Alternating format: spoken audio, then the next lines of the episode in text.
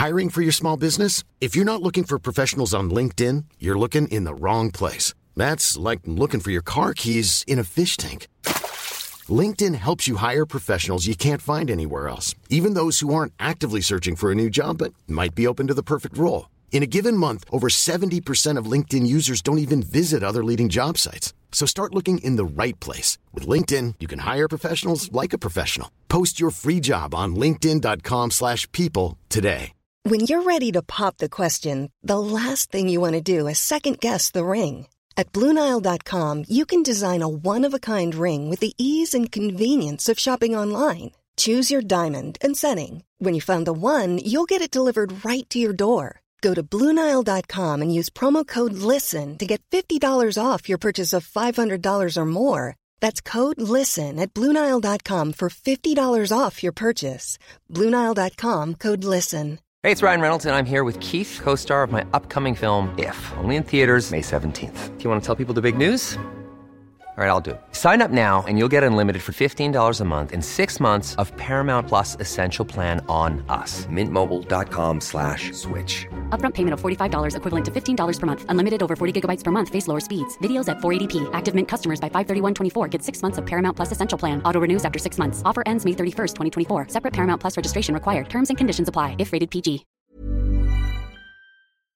Hej på er allesammans och välkomna till avsnitt fyra av vår poddserie Var femte kvinna där vi pratar om sexuella övergrepp, sexuella trakasserier och lite allt däremellan. Vi är inne på vecka fyra nu av totalt sex och har ni inte lyssnat på de tidigare avsnitten så tycker vi såklart att ni ska göra det. Och idag så gästas vi av Josefin. Precis, och jag vill bara säga att efter den här intervjun så blev jag återigen så påmind om att alltså jag är så glad och stolt över att du och jag gör det här.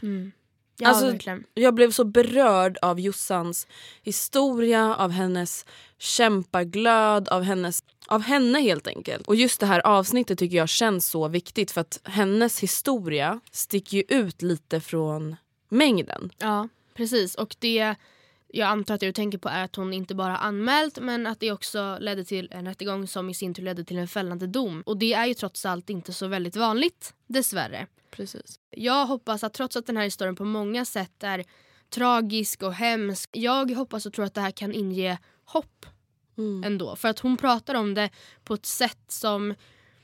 Hon visar verkligen hur bra det kan bli trots allt i slutet. Precis. Att så här, oavsett hur många liksom, berg du typ behöver bestiga i den här kampen så är det värt det. Och vi hoppas såklart också att det här avsnittet kanske hjälper någon som står i valet och kvalet mellan att, att anmäla eller att inte anmäla att våga göra det. Och tänka liksom att bära eller brista, nu, nu, nu testar jag, nu vågar jag. Precis. Och så, går det, så blir det som det blir. Förhoppningsvis så kan det bli så bra som det blivit för Jossan. Ja, för att vi vet ju att det är många som har skrivit till oss och sagt så här: jag vill inte anmäla, jag orkar inte, jag kan inte. Och vi vill bara säga att vi hör er, vi förstår er. Vi förstår att det är inte bara att anmäla.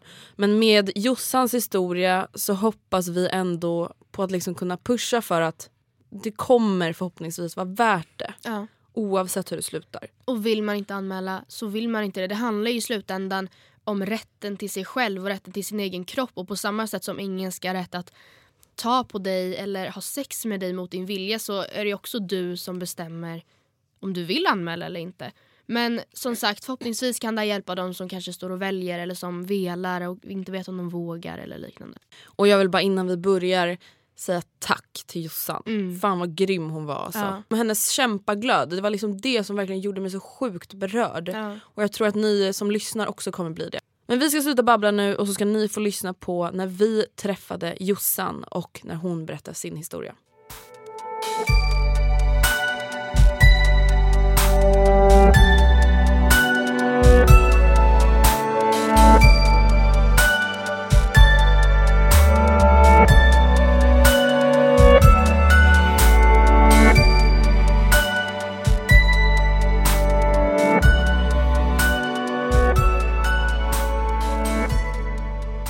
Hej Jossan och varmt välkommen till Vår femte kvinna.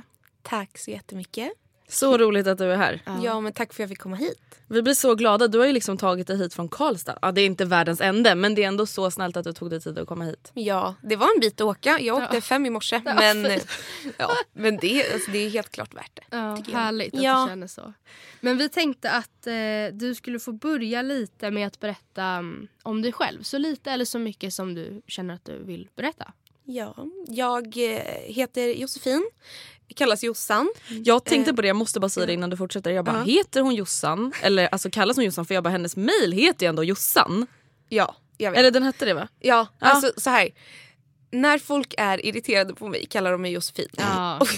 Klassiker, då är det allvar. Ja men det är Jossan. Alltså, Ja. Jag skaffade Facebook när jag var jätteliten och så blev det att jag hette Jossan där och så blev det Jossan på alla andra sociala medier.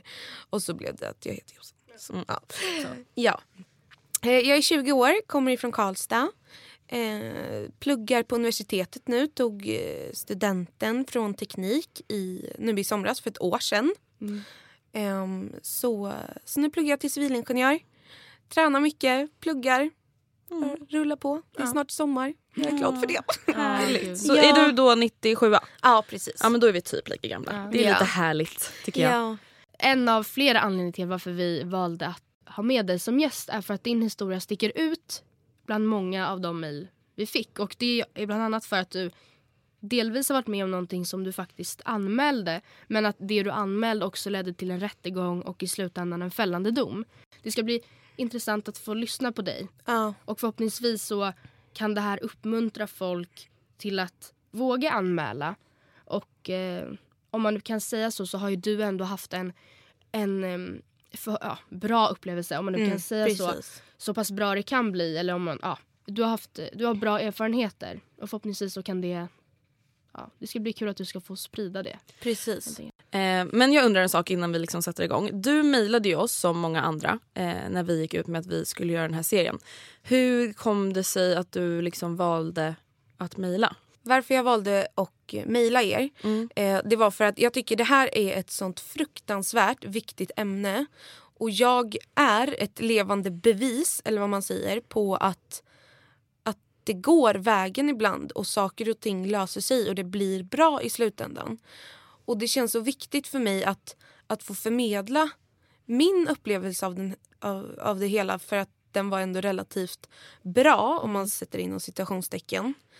Eh, för jag tycker att media hela tiden spottar ut sig om hur dålig rättssystemet är. Och det är det, det kan jag absolut hålla med om.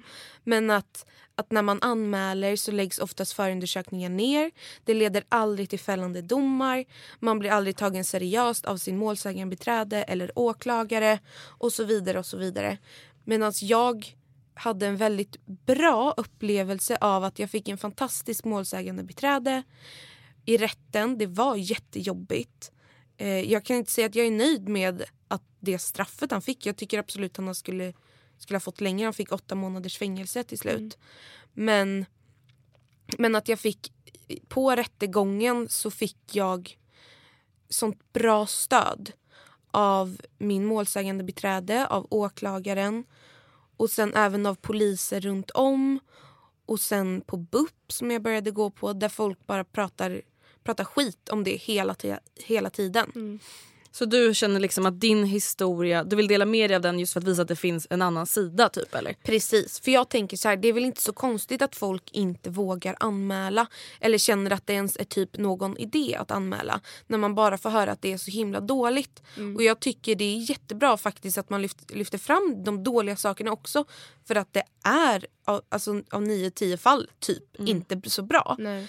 Men man måste faktiskt också lyfta dem det faktiskt går bra för och veta så här att det typ finns hopp. Ja, precis. Inge lite hopp för precis att inte säga. Precis, och sen så tror jag att även fast det inte kanske blir en fällande dom så tror jag att, att ha en rättegång i ryggsäcken efter ett sån här, ett sån här traumatisk händelse hjälper väldigt mycket för att läka efteråt. Ja. Faktiskt, oavsett. Mm. När du mejlade oss så beskrev du din upplevelse som en bok med fyra kapitel. Och vi tänker att vi lite kommer utgå ifrån de kapitlen du beskrev. Och då var kapitel 1 själva övergreppet. Kapitel 2 natten efteråt hos polisen och på sjukhuset. Kapitel 3 tiden i väntan på rättegång och sen kapitel 4 efter domen och eh, om din reha rehabilitering. Så att om vi börjar med kapitel 1, själva övergreppet, så tänker vi att du ska få berätta utifrån vad du själv liksom känner dig bekväm med. Vad var det som hände? Eh, det var en överfallsvåldtäkt av en äldre man. Eh, jag var ungefär 16-17 år när det hände, så det var tre år sedan. Och det hände på en allmän plats som gjorde att, att folk hörde mig ropa på hjälp och då kunde ingripa. Och det här gjorde då att han blev tagen på bar gärning med byxorna neddragna. Mm. Och då blev det ganska uppenbart och om man säger lätt för mig att anmäla för att det var folk som hade sett det och verkligen hade grip, gripit in. Mm. Ehm, så jag blev ju nästan på något sätt lite övertalad om att jag hade inte så mycket till val kände jag just där och då. Nej. Även fast om jag tänker så här i efterhand så hade jag kanske helst bara velat ta mig därifrån själv och sen gått ifrån och aldrig pratat med någon om det. Nej. Men blev polisen inblandad eh, på plats direkt efter att det hade hänt? Ja precis. Jag fick, jag fick åka polisbil då direkt och prata med, med poliser och åka till ett hus eh, där vi satt i förhör. Sen så fick jag tillsammans med två jättegulliga poliser åka till eh, gynmottagningen på sjukhuset. Och det här var sent på kvällen. Eh, så, um, så de åkte med mig och så gör man en spårning. Eh, och det här skulle jag säga är det absolut viktigaste om man blir utsatt för någonting. Och det är att säkra bevisen. Mm. För det är så här, det spelar ingen roll hur mycket som sägs eller vad som bevisas fysiskt i, rätt, i rätten. Har man de tekniska bevisen då är det de som gäller. Så att om man blir utsatt för någonting tveka inte på att åka till, det finns ju här i Stockholm, vad Ja, heter det? På Södersjukhuset. På? Södersjukhuset. Alltså att säkra bevisen för att det är så himla viktigt. Ja. Men var det en självklarhet för dig från första början? Eller kände du så att "Nej, men, eh, det här kommer jag anmäla? Eller var det någonting som... Eller fick du frågan? Eller tyckte polisen att du skulle anmäla? Eller hur gick det till? Ja, i och med att han blev tagen på bar gärning så kom polisen dit direkt och tog hand om mig. Så att det fanns liksom ingen tid. Alltså jag var så, så pass traumatiserad och panikslagen. Så det fanns liksom ingen tid för mig att ens kunna reflektera över vad som egentligen hade hänt. Alltså jag förstod inte. Så de frågade ju mig så här, vill du anmäla? Och då, jag minns knappast vad jag sa. Men det blev ett ja till slut. Mm. För det, det blev liksom inte så mycket till val. Jag tror inte, skulle jag liksom säga nej, nej, nej. Polisen hade nog inte accepterat det Nej. på ett sånt lätt sätt. Alltså de Nej. hade faktiskt försökt övertala mig vilket jag tycker är jättebra. För det man vill där och då, alltså när man är så traumatiserad och panikslagen. Alltså jag vill ju bara hem och aldrig mer prata med någon och bara lägga mig och sova resten av livet. typ. Mm. Nej men lite så. Man vill inte prata om det. Men vad fick du för bemötande av de här poliserna du liksom träffade? För, förutom att de verkligen liksom pushade dig för att anmäla. Hur upplevde du dem i den här traumatiska situationen? De var jättebra. Alltså verkligen. Eh, de gav mig en filt och vatten och höll om mig, klappa, alltså krama om mig typ. Och de tog verk, alltså verkligen hand om mig. För jag var ju väldigt så här, frånvarande och ville inte säga så mycket utan jag typ bara grät. Eh, så de, det märktes verkligen att de gjorde allt. Och det är ju såna här grejer jag kan tänka på i efterhand hur jag blev bemött. Det tänker man inte på på samma sätt där och då. Men de, jag kände verkligen att de tog mig på allvar. Och de satt och höll mig i handen i polisbilen och kramade om mig. Alltså de var så gulliga verkligen. Nu går vi in på kapitel två lite mer, vilket är natten hos polisen och på sjukhuset. Eh, och du berättade att du gjorde en så kallad spårning, eller en spår, spårundersökning. Ja, spårundersökning. spårundersökning. Vad, vad är det? Eller vad gör man för tester? Jo, alltså när, när jag kom till sjukhuset så fick jag först och främst ta ett urinprov. Mm. Sen tog de blodprov. Jag vet inte om det ingår i själva spårundersökningen. Men då, spårundersökningen är alltså som, ett gyn, som en gynundersökning fast den är lite längre. Typ. Jag vet inte ens vad de gör. Men Nej. de Det, det är som en ja, men, som en gynundersökning, Ja. alltså, fast det tar lite längre tid bara. Och så tar de även så här, nej men jag berättade för dem att jag hade till exempel dragit honom i håret, att jag hade gjort motstånd. Eh, och då tog de även tops och drog typ under naglarna och så här. Alltså typ överallt.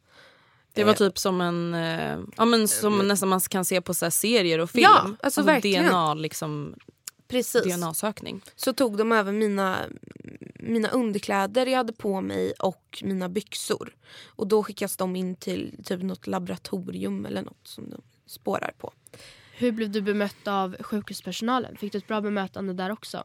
Ja, alltså väl på sjukhuset då hade jag börjat förstå li- lite mer vad det var som hade hänt och det gjorde att jag fick typ ännu mer panik. Ehm, så den här spårningen var jätte, jättejobbig. Alltså för det första, jag hade ont, jag blödde. Alltså det var inte kul. Och lägga sig där med benen i vädret.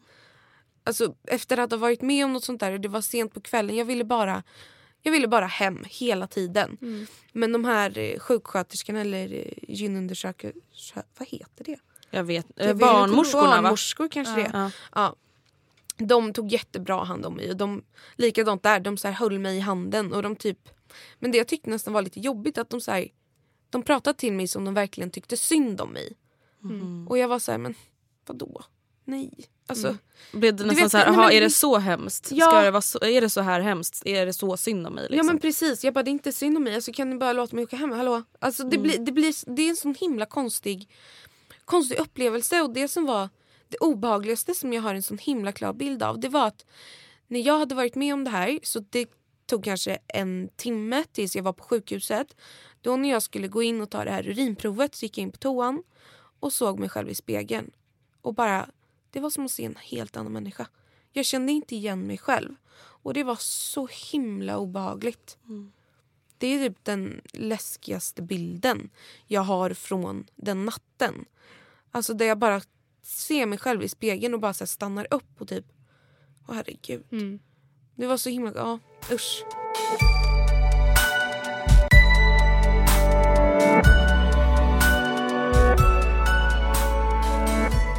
Så efter jag hade gjort den här spårundersökningen så åkte vi vidare till polisstationen. Eh, och där gjorde man en sån här rättsfotografering kallas det. Då tar man kort på de R och blåmärken som har blivit eh, efter övergreppet. Eh, och även hade ett eh, lite längre polisförhör som spelades in. Och det är första, det absolut första polisförhöret. Sen har man fler efter det. Det måste Yes. varit jobbigt tänker jag att liksom bli förhörd sådär tätt inpå och liksom på natten efter att du har blivit undersökt. Alltså jag tänker det måste ju vara skitjobbigt verkligen. Nej men alltså jag fattade ingenting. Det var så sjukt för att polisen, jag satt där, han hade tagit strypgrepp på mig och jag var liksom helt rödblå runt halsen. Och polisen frågade mig, ja men tog, tog han tag i, i halsen på dig? Jag bara nej det gjorde han inte. För att man minns ingenting så ju mer man har be, bearbetat det här desto mer kommer man ihåg. Alltså just på det förhöret då är jag så här, jag, jag vet inte, jag fattar ingenting. Jag, va, va, va? Alltså det är bara en, ett stort frågetecken. För man är i sån panikslagen chock som inte ens går att beskriva, så man är inte sig själv. Nej. Så um, När i det här Ja. blandades din familj in? Eller var det någon som ringde dem och i så fall när, när skedde det? ja, de ringde, polisen ringde till mina föräldrar. Eh, Så de kom från, eh, min mamma kom från Stockholm och min pappa kom från Karlstad. Mitt i natten då, så då kom de till eh, polisstationen. Ehm, Så det, det, var, det var bra, jättebra att de kom, det kändes skönt. Och att faktiskt polisen berättade, för det är så här, skulle jag sätta mig ner och berätta det här för mina föräldrar? Nej. Mm. Det hade inte gått. Jag tror att det är Eh. många som har, eller det är väldigt många som har mejlat oss och just beskrivit att så här, det svåraste nästan har varit att berätta för sina föräldrar. Just för att man vet hur ledsna de kommer bli för sin egen skull. Att man typ nästan inte ens vill typ drabba dem med det. man Precis, säga. man vill inte lägga det i, i, i deras Ge dem händer. de typ. Ge dem, bilderna. nej, Liksom, nej. ge dem den tyngden. Nej. Eh, så n- då åkte vi hem från polis, polisstationen. Eh, sen så får man... Då var, det, då var det egentligen tre, två, tre veckor. Då blev den här eh, gärningsmannen, då, eller vad säger man? Eh, han, han hamnade i häktet och häktades på sannolika skäl. Mm. Och, Och det, är väl, förlåt för att jag bryter, det är väl den starkare misstänksgraden? Precis, Ja. den som är över det är att man erkänner. Okej. Så Mm. det är typ, är, är man Skäligen, sannolikt och ja, precis någon, något mer. Ja. Jag vet inte men det var så här. Ja. Mm. Eh, så han blev häktad eh, och satt häktad på sannolika skäl misstänkt för den här våldtäkten. Eh, och då fick jag, eh, då ringde en advokatbyrå till mig. Okej. Eh, som det, det antog jag att polisen hade tagit hand om då. Att liksom kontakta dem. Det var ingenting jag gjorde själv. Nej, okej. Utan jag fick ett samtal från eh, som skulle bli min, min blivande målsägande beträde. Mm. Eh, så under de här tre veckorna när han satt häktad så var, var det besök på sjukhuset, ta ytterligare fotografier på typ blåmärken som hade kanske blivit typ starkare. Alltså mm. få lite mer bevis typ. Ehm, och sen träffade jag även, hade jag fler polisförhör. Jag tror jag hade två polisförhör till efter det. Eh, och sen så var det framförallt att jag träffade min målsägande beträde så himla mycket. Och det var, alltså att ha en målsägande beträde är, det är så viktigt att man har någon man trivs med. En målsägande beträde ska fungera som din, din högra hand i rätten. Och det ska vara ditt stöd och någon du kan fråga allt om. Och även så här innan, hur man förbereder sig inför rättegången. Det är så viktigt att man har en, en bra målsägandebiträde och det hade verkligen jag. Som jag var så trygg med. Mm. Kände du det redan från början att det här, det här känns bra? Eller var det någonting som växte fram allt eftersom? Ja, alltså jag kände det. Första gången vi träffades eh, då satt vi och pratade väldigt mycket. Man pratar ju väldigt mycket, man går igenom, man har inget förhör eller något så här polisaktigt med henne. Utan det är bara så här, hon vill ju göra allting för att det ska gå så bra för mig som möjligt. Hon vill stärka min röst och få mina rättigheter. Ha mina rättigheter på, på rätt sida liksom. Men i och med att han satt häktad då på sannolika skäl eh, så antar vi att det liksom var, då hade man bestämt att det skulle bli en rättegång. Eller hur går det till? Oj, det vet jag faktiskt inte. Men det är så här att men man kan sitta häktad, jag tror det är så här nu. Eh, men jag har lärt mig väldigt mycket efter att ha varit med i det här. Men det är så här att man kan sitta häktad i två veckor max. Sen måste åklagaren då eh, lämna ett besked om att så här, nu har vi tillräckligt med uppgifter på förundersökningen för att kunna hålla i en rättegång. Eller släppa? Eller släppa, precis. Eller så här, det visar sig att det här inte stämmer. Typ. Mm, och så ja, blir de släppta. Eh, så det är två veckor åt gången får man sitta max. Men när det ändå blir bestämt att han ska liksom få sitta kvar, det kommer bli en rättegång. Hur förberedde sig du och ditt målsägande beträde inför rättegången? Alltså vad, vad, hur såg den processen ut liksom inför den här rättegången? Eh, processen var att först och främst, första mötet så visade hon mig, då får, då får hon förundersökningen. Eh, för hon måste ju eh, läsa igenom sitt case liksom. Eh, och veta vad det är som har hänt. Utan det är ingenting jag behöver berätta själv rent där och då. Så att hon går från noll. Utan hon, vet, hon har ändå en ganska klar uppfattning om vad det är som har hänt. Och hon har läst igenom alla, eh, alla förhör med vittnen, hans historia, min historia. Men sen så får jag även återberätta min historia kanske 931 gånger igen. För att, och det är så himla bra att prata om den här händelsen för att ju mer man pratar om det, desto mer minns man. Och desto bättre kan man säga det. För de, hon sa det till mig att att sitta på en rättegång det är som att du har ett, ett skelett som du ska klä på kläder. Så att det är så viktigt hur man framför sin historia. Alltså att det blir att man gör det absolut bästa. Liksom, att man berättar så mycket, mycket, mycket man bara kan. Och ju mer man pratar om det desto mer kommer jag ihåg. Så att, Ja, såklart. Ja, så då, hon satt även så här, ritade upp bilder så här, på ett papper. Typ hur, ja här sitter domaren, här sitter det nämndemän och här sitter det en, någon som skriver på en dator. Sen kommer han, där sitter hans försvarsadvokat, sen är det din åklagare och så är det jag. Och så. Alltså hon var väl, väldigt så här, Pedagogisk. Alltså, ja, pedagogisk och förberedde mig för att okej, först kommer vi komma dit, vi kommer gå in där. Alltså så man hela tiden ställer sig in på vad det är som ska hända. För att att vara med i en rättegång det är fruktansvärt psykiskt påfrestande. Alltså min rättegång tog två dygn. Oj. Eller typ ett och ett halvt. Men det var ändå så här i två dagar. Eh, från tidigt på morgonen till ganska sent på kvällen. Och det är så fruktansvärt psykiskt påfrestande. För att det är som att sitta och ha panik Mm. hela tiden. Men jag tänker också att han som gjorde det här mot dig var ju en, en människa eller en man du inte kände sen innan.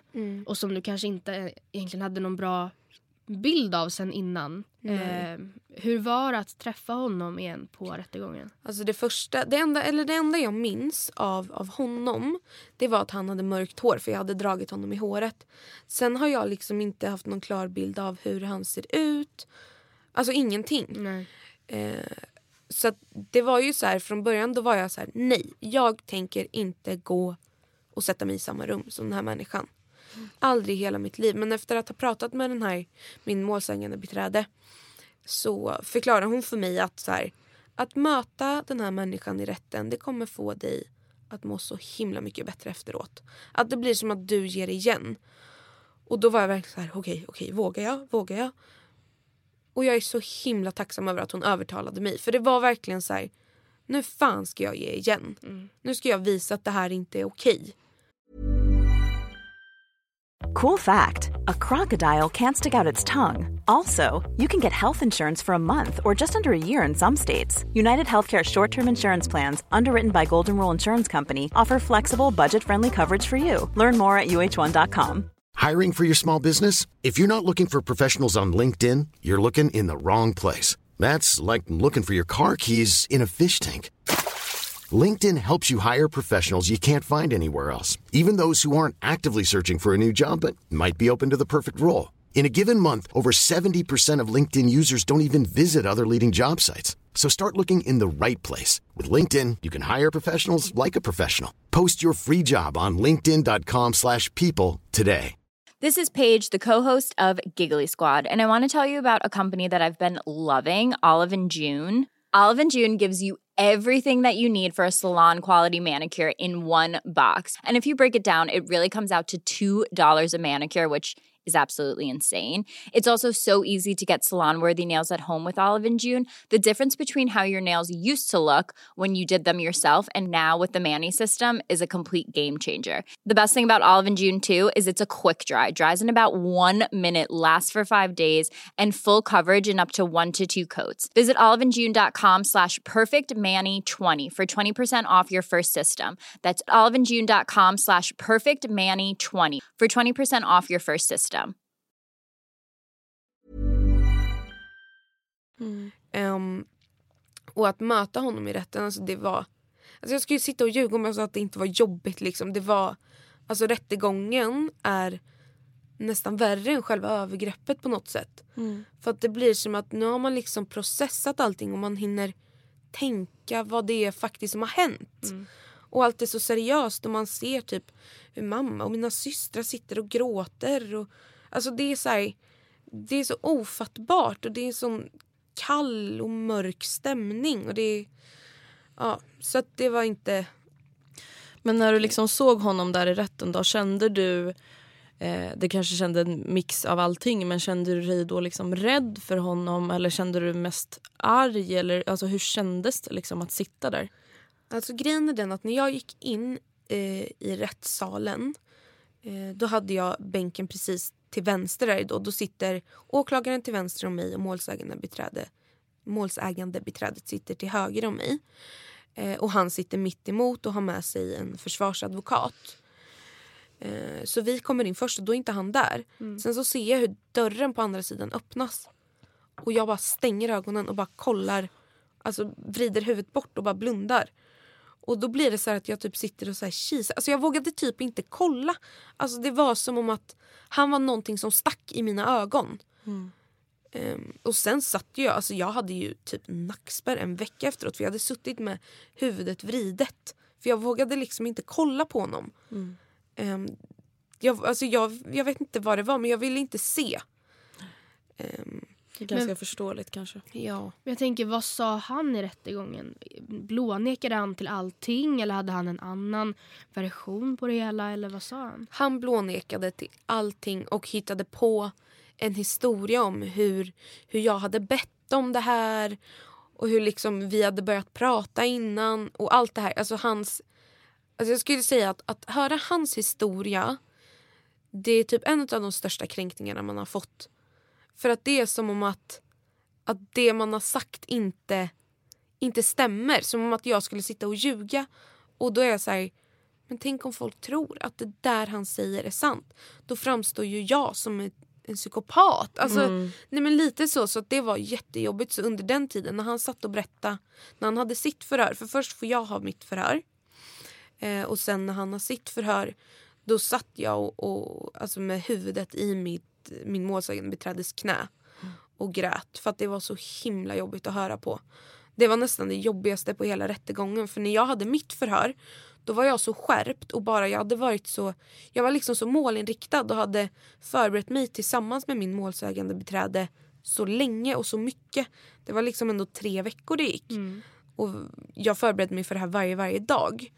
Eh, så att eh, jag ville bara få den, den klar liksom. Men att höra hans, hans historia det var det absolut det var det värsta på hela rättegången nästan. Verkade han berörd på något sätt alltså av Nej. din historia? Han, han Nej. verkade inte berörd. Nej, inte det minsta. Och det var det som var så sjukt att se. Att så här, okej, det här är verkligen en icke-frisk människa. Jag tror faktiskt han fick psykvård efteråt också. Det visade, sig- eller jag, jag minns inte riktigt. Alltså för jag menar en normal person oavsett om man eh, på riktigt tycker att man själv är oskyldig eller skyldig. Att se då till exempel dig och dina anhöriga. Alltså jag blir så här gråtfärdig av att bara Ja. höra det. Alltså att då sitta och ja, men på riktigt så här, kunna att bara stänga av och bara jag bryr mig inte. Det är inte verkligen. sant. Alltså jag fattar inte hur Nej. det ens är möjligt. För min eh, bästa kompis Emmy var där och vittnade för, för mig. Eh, för det var henne jag hade varit med på den kvällen. Och, och det var så himla jobbigt att höra henne för att hon, hon grät så mycket och hon berättade då hur efterföljderna, alltså hur jag har varit efter själva övergreppet. Och hon grät så mycket och jag grät och det var så här, det var verkligen, alltså man såg nästan på domarna hur de verkligen Nej men alla blev väldigt berörda och det kändes typ i hela rummet. Medan han var helt så här. Iskall. Och det vidriga var att jag hade en åklagare som var tjej, målsägande beträde som var tjej. Han hade en, en man. Två män satt mitt emot oss. Ja, och det var så här. Känns Alltså, nästan lite man- typiskt. Typ. Ja men typ, och det, det är så synd att det är så. Alltså, Men hur gick eh, den här rättegången då? Hur liksom, vad blev resultatet av den här rättegången? Eh, resultatet blev en fällande dom. Och det är alltså den dagen i mitt liv. Jag kommer aldrig glömma den. Alltså jag var så glad. Och det var även så här att, att polisen som jag hade haft mitt första förhör med. Han ringde till mig och bara så här, grattis du är grym. Alltså så här, Det var en sån himla glädjesdag när den här domen kom. Att så här, jag och min familj, vi, så här, mamma åkte och köpte champagne och det var verkligen så här att nu fan bara det gick. Och just så här att det är så få, få, få fall där det, som leder till fällande domar. Så då känns det så här, det blev typ en extra vinst för det kände också så att nu har jag på något sätt stoppat honom från att kunna göra det här mot fler tjejer. Ehm, men då fick han samhällstjänst och skyddstillsyn. Och då ringde min eh, målsägande beträde mig och sa så här, åklagaren vill eh, överklaga den här domen. Det är inte okej att han får så här lågt straff. Han ska ha fängelse. Och då är det så här att oavsett vad jag skulle säga om jag inte vill överklaga så då är det liksom åklagarens ord som gäller. För det här är mer i ett samhällssyfte eh, i så fall att överklaga. Och då är det så här att de spelade in hela, hela rättegången i tingsrätten. Så, och då är det att överklaga går det vidare till hovrätt och sen högsta domstol. Eh, så när det skulle hållas då i hovrätten så behöver inte jag vara med. Okej. Mm. Skönt. Tack och lov. För att hade jag behövt vara med, jag hade tvärvägrat om jag så skulle behöva fly landet. Liksom. Men det är ingenting man vill göra igen. Nej. Visst, jag är jättestolt över mig själv att jag liksom klarade av det men det var det är jobbigt liksom. Det, det går Det är inte att värt förneka. det men det är jobbigt. Precis, det är ingenting jag gör igen Nej. helst. Lite så faktiskt. Men vad hände i eh, hovrätten sen? Jo, Med straff, straffet så? Alltså riskerna med då som, som jag pratade med målsägande beträdet om. Eh, det är så att hovrätten kan ju lika gärna välja att släppa honom fri. De kan ju så läsa igenom caset igen och se så här. Nej men det här stämmer inte. För det är, om, om man ska bli fälld ska det vara ställt inom all rimlig tvivel. Eh, så det ska inte finnas det minsta, minsta, minsta lilla tvekan på att något har hänt. Så minsta lilla de hittar så skulle han bli frisläppt liksom. Och då var det så här, jag klarar inte av om han blir frisläppt men jag hade liksom inte så mycket att säga till om och det var så här okej nu håller vi tummarna för fängelse liksom. Ja men jag tänker också att du kanske får lita på din åklagare då om hon Precis. säg, liksom antyder att nej men det finns eh, chans eller sannolikhet att han kommer dömas för hårdare straff Precis. så har ju hon förmodligen redan dragit slutsatsen att sannolikheten att han blir frisläppt är, väldigt mindre. liten. Ja, men ja precis. självklart. Så Mm. att, men det där är ju också så läskigt alltså när man är så glad och det har varit en sån anspänning att gå runt med den här anspänningen om att vänta på rättegång, ha rättegång, vänta Ja. på dom. Alltså det är vidrigt. Kan jag bara få fråga en sak? Vad är skyddstillsyn? Alltså är det typ att man alltså typ måste rapportera hos en person att man sköter sig? Eller vad är det för något? Jag tror... Så, ja, alltså, Samhällstjänst vet Sam- vi ju, alltså det är ju såhär, jobba ja, gratis. jobba gratis typ. Typ. Men skyddstillsyn, vad alltså är det? Ska jag, Jag googla? googlade. Jag tror... Nej, jag tänkte, jag tänkte på det andra. Att man, om man begår, begår ytterligare ett brott så blir det, blir det fängelse direkt. Ja. Det heter fri... Ehm, Eh, villkorlig dom. Villkorlig Ja. dom, ja. Just Okej så här står det på Wikipedia. Den som Ja. döms till skyddstillsyn ställs under övervakning i ett års Precis. tid. Övervakningen kan återuppstå under prövotiden som löper, upp, lö, löper tre år efter domsdatum. Precis. Eh, så man är helt enkelt övervakad. Övervakad. och sen står det också, förutom själva övervakningen påminner påföljden om villkorlig dom. Alltså typ gör han någonting så är det kört. Typ. Ja, precis. Det var lite så hon förklarade för mig också. Mm. Så... um, Men hovrätten, när Ja, de hovrätten. väl fick caset, du var inte tvungen att vara med. Liksom. Så det här skedde liksom utan dig? Eller vad Ja, det säga. här hade- skedde i, i Svea hovrätt här i Stockholm. Mm. Eh, och min målsägande beträde och åklagare var där. Och, de, och då sitter de och kollar på en stor skärm. Och då, men han är tvungen att vara där. Och det var typ också jobbigt för att den här, alltså rättegången i hovrätten den blev ju liksom några månader senare även fast de gjorde allt typ för att skynda på den. Så, så är det ändå en tid av, av väntan och ett icke-slut liksom. Ehm, men sen så kom domen från hovrätten och då blev det fängelse. Yay! Alltså gud jag bara ryser nu, jag blir Ja. så glad. Alltså det Ja. var, ja, alltså det är den bästa vinsten. Alltså det går inte att beskriva men alltså jag grät. Mamma Ja. grät. Alla grät. För att nu var det verkligen så här, nu är det över. Mm. Och det var så himla skönt. Alltså det måste vara så skönt också kan jag tänka mig att här, få ett kvitto på att jag hade rätt. Ja. Jag har inte alltså, så här, målat upp någon felaktig bild, jag har inte något ansvar i det här. Han har gjort fel och nu får han sitt straff. Precis. Det, var, det är den bästa vinsten. Och alltså, om man tänker då att alltså, den glädjen, den känslan som jag kommer bära med mig för resten av mitt liv och de erfarenheterna. Om man jämför det med smärtan av att sitta på rättegången, anmäla, allt det här så är det värt det alla dagar i veckan. Och även så här direkt efter rättegången i tingsrätten där jag var med så var jag så här, jag var så himla glad på kvällen. För att jag hade genomgått rättegången och då sa jag så här, jag bara jag skiter i om han blir fälld eller inte. Men jag klarade rättegången. Alltså det var, bara det var liksom en vinst för mig. Förstår det. Men för jag tänker just att det är ju väldigt många tjejer som av olika anledningar väljer att inte anmäla. Och eh, det, hade ju, det är ju många fall, eller ja, i många fall där man väljer att anmäla att det blir rättegång men att det kanske inte leder till fällande dom. Ja. Hur tror du att du hade reagerat ifall han hade blivit frisläppt? Alltså oavsett om det var i tingsrätten eller hovrätten. Tror du att det hade varit eh, liksom ett jättestort bakslag eller tror du att du ändå hade sett vinsten i att du faktiskt anmälde? Eller hur tror du att du hade reagerat då? Jag tror självklart att det skulle, skulle ha varit väldigt jobbigt. Eh, men då har ju jag, först och främst så har jag min målsägande beträde att luta mig mot och även fick jag hjälp på BUP att bearbeta det här. Så att jag tror inte jag skulle fixa att ta en icke-fällande dom själv. Nej. Eh, men med hjälp av allt det stöd så hade det, jag hade fixat det. Det hade självklart varit jättejobbigt. Men jag hade ändå, som jag sa in, eh, innan, att så här, jag var så himla nöjd och glad efter rättegången.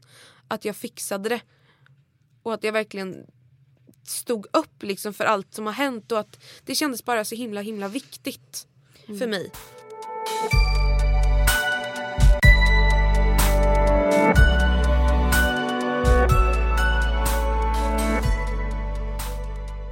Nu har vi tagit oss igenom kapitel 3 och är nu inne på kapitel 4 vilket är efterdomen och hur du rehabiliterades eller bearbetade den här händelsen. Ja. Och eh, du skrev i ditt mejl att det faktum att du anmälde var väldigt viktigt för dig och din psykiska bearbetning. Ja. Hur, hur menar du med det? Jo, men i och med att, att när, eftersom det här hände på öppen plats och att det fanns vittnen som fanns där och att hela den här rättsprocessen sattes igång med en gång. Det gjorde att jag var tvungen att prata om det direkt. Alltså oavsett om jag ville eller inte. Jag var tvungen att berätta de abso- absolut jobbigaste sakerna för liksom polisen och för min målsägande beträde för att det skulle bli en så bra och rättvis rättegång som möjligt. Och det var hemskt när jag väl gjorde det. Men om man ser nu, det är tre år sedan och jag kan prata om det väldigt lättsamt idag. Och jag känner mig, om man ser det här att jag blev sjuk efteråt, för det blev jag. Jag fick posttraumatisk stress och depression. Så är, alltså det är så värt det att anmäla. Alltså att jag fick prata om det här från dag ett. Alltså minut ett nästan blev det.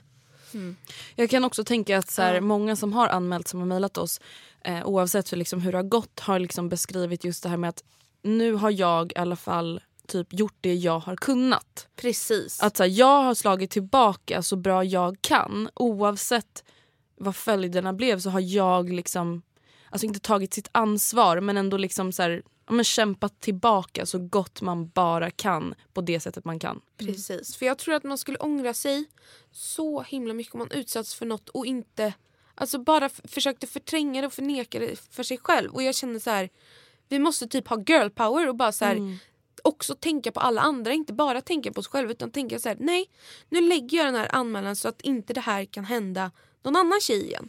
Alltså faktiskt på något sätt så måste man försöka för jag tycker det är så himla viktigt just det, alltså den statistiken. Att det är så få anmälningar ändå men ändå ett sånt högt, sånt högt all, antal på um, övergrepp i Sverige. Jag tycker det är så himla, eh, himla himla viktigt att man faktiskt tar tag i det och anmäler. Ja men precis. Och jag tänker att även om man, eh, nu menar inte jag att pusha folk att anmäla för jag förstår Ja. också å andra sidan varför många väljer att inte göra det men jag hoppas att man kan tänka också att okej även ifall jag skulle göra en anmälan och den läggs ner och det blir inget mer och det känns som ett ja, men, eh, ett bakslag eller det känns som att det inte var värt tiden och energin så kan det ju vara så att om han går fri och vi ser att han gör någonting igen Precis. och offer nummer två väljer att anmäla då kommer ju ditt, din liksom anmälan som har lagts ner, eller ditt vittnesmål kunna styrka hennes anmälan. Precis. Och att man på så vis förhoppningsvis kan hjälpa någon annan i det. Verkligen. Det är så viktigt tycker jag. Och sen så ett tips är att jag, eh, alltså min största förebild det är Elisabeth Massi Fritz. Hon är eh, brottmålsadvokat och jätteduktig. Det är säkert många som vet vem det är. Eh, hon har jättemånga bra intervjuer alltså på Youtube. Och det finns även så här filmer alltså hur en rättegång går till. Så att förbereda sig inför rättegången är så himla viktigt. För att man blir inte lika nervös för att det är en väldigt, alltså som jag sa, både alltså psykisk, psykiskt jobbigt att sitta där inne. Så att verkligen läsa på liksom och se hur det går till. Och hon har ju också så jättebra tips på varför man ska anmäla. Det här med att man ska typ ta bevis direkt. Det är det hon har sagt, det är hennes ord. Ehm, så det är väldigt bra om man tvekar på att anmäla. Kolla på sådana klipp och så har hon förklarat väldigt, väldigt bra i många av dem. Varför man faktiskt ska anmäla. Det var ett jättebra tips. Eller? Ja. Men du nämnde när du skrev till oss att du blev väldigt förändrad efter övergreppet och du nämnde också nu att du blev sjuk. Precis. Hur, men alltså, ja, nu fattar vi att du må, mådde dåligt efter övergreppet i och med det som hände och att du blev sjuk. Men hur såg liksom tiden ut efter de här liksom glada stunderna och han fick fängelse? Men hur, vad hände sen? Liksom? Alltså det blev så att när, när han fick fängelse då var det det var lyckans dag och då kändes det, det var så himla jobbigt för att det kändes som att alla runt omkring mig, jag fick ju så mycket sms från kompisar för det kom ut i, i, i tidningen direkt liksom. Eh, från sms från familj och kompisar och vi firade med familjen. Alltså det var så himla, så himla lyckligt. Och då blev det som om att alla runt omkring mig var så här: okej men nu har han fängelse, nu är allt bra igen. Medan alltså, jag mådde ju nästan bara sämre och sämre. Även fast jag hade liksom pratat om det här och bearbetat så finns det såna många efterföljder. Alltså att sitta, jag var på BUP nästan två gånger i veckan. Och vi pratade och pratade och pratade. Men alltså att vara utsatt för något sånt här det är ingenting som man bara så här, det är en dom och sen är det bra typ. Nej. Utan det är någonting jag har behövt jobba med hela hela tiden och det gör jag än idag. Men hur mår du idag? Om man får fråga det. Idag mår jag jättebra. Ja. Faktiskt, det, alltså jag känner det att så här, det här var det är ett stort köttigt sår som har blivit till ett, ett ärr. Det finns där men det gör inte ont och det är i min hud typ. Alltså lite så. Och nu känner jag mer så att nu vill jag bara det här är ett ämne jag brinner för så himla himla himla himla mycket verkligen. För jag tycker det är så viktigt att, alltså, att kvinnors rättigheter i det här samhället. Jag tycker inte vi ska acceptera att någon slår en på rumpan. Ingenting sånt. Nej. Så, så nu ser jag det här mer som en erfarenhet. Alltså man måste försöka vända. Det som har hänt har hänt. Det finns ingenting som kan ändra på det. Utan nu måste jag försöka fokusera på, på de kunskaperna jag har fått med mig. Och de erfarenheterna jag har och hur mycket jag har lärt mig. Hur mycket jag har vuxit som människa. Och i det här har ju jag också hittat mig själv. Alltså jag är 20 år och det känns som att jag har så mycket erfarenhet redan. Alltså det känns så konstigt att säga. Men det känns som jag mognade väldigt väldigt snabbt under den perioden och det är många, alltså typ min familj och kompisar som också har sagt det. Så det har ändå kommit alltså, någonting bra ut av allt det här hemska. Liksom. Verkligen. Det jag, har tror, det absolut. jag tror verkligen att det är så många som lyssnar som alltså, får hopp av att höra dig säga det. Just det för jag jag kan ju tänka mig verkligen. Ja. att det känns alltså, det måste ju vara så fruktansvärt mörkt. Alltså, man vet ju själv bara att man liksom har en deppig period i livet eller Ja. att man har gjort slut med sin pojkvän eller att man bråkar med sin familj. Där och då känns det ju som att här, jag kommer aldrig ta mig ur det här. Alltså, Nej. det kommer vara så här för evigt. Ja. Jag tror att många liksom får hopp av att höra dig. Ja men här idag. Och jag tog ju studenten nu i, i juni. Och då var det, det här, själva våldtäkten skedde sommarlovet från ettan till tvåan. Och under tvåan på gymnasiet mådde jag så pass dåligt att jag faktiskt försökte begå självmord. Och sen tre år senare när jag stod där på studenten så kommer liksom min målsägande beträde dit. Min mentor var där. Och det blev så mycket mer än att så här, bara skolan är slut, gymnasiet är över. Utan det blev så här, ett kvitto på så här, att jag klarar mig och nu sitter jag här i min egna lägenhet. Jag har kommit in på universitetet. Alltså det är verkligen så här, allting löser sig och jag trodde liksom jag skulle dö för tre år sedan. Det blir bra till slut. Och man måste verkligen påminna sig om det hela hela tiden. Och det är typ det värsta man får höra när man väl mår dåligt. Att tiden läker alla sår. Fast det är faktiskt så.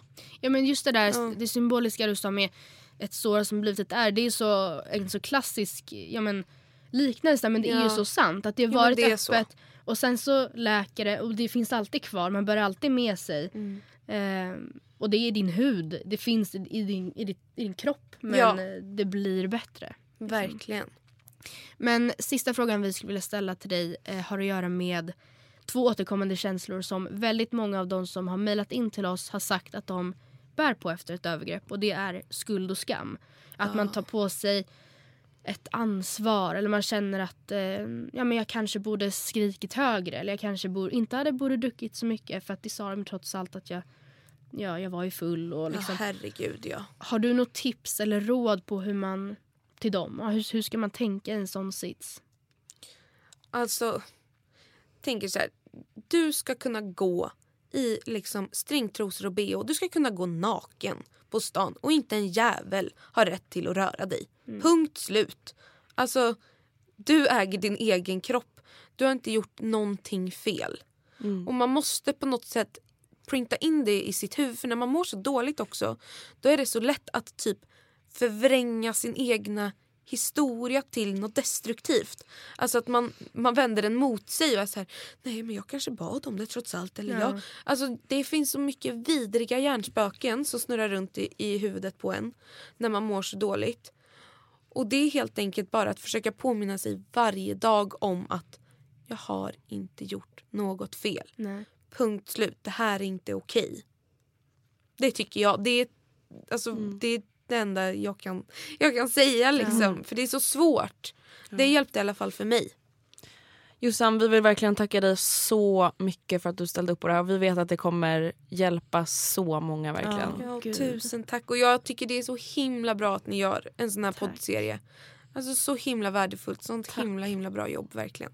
Tack. för att du kom. Tack själv. Och till er som lyssnar, vi hörs igen nästa vecka och då gästas vi av Linnea Claesson. Precis. Så vi hörs då. Puss och kram! Skummarna.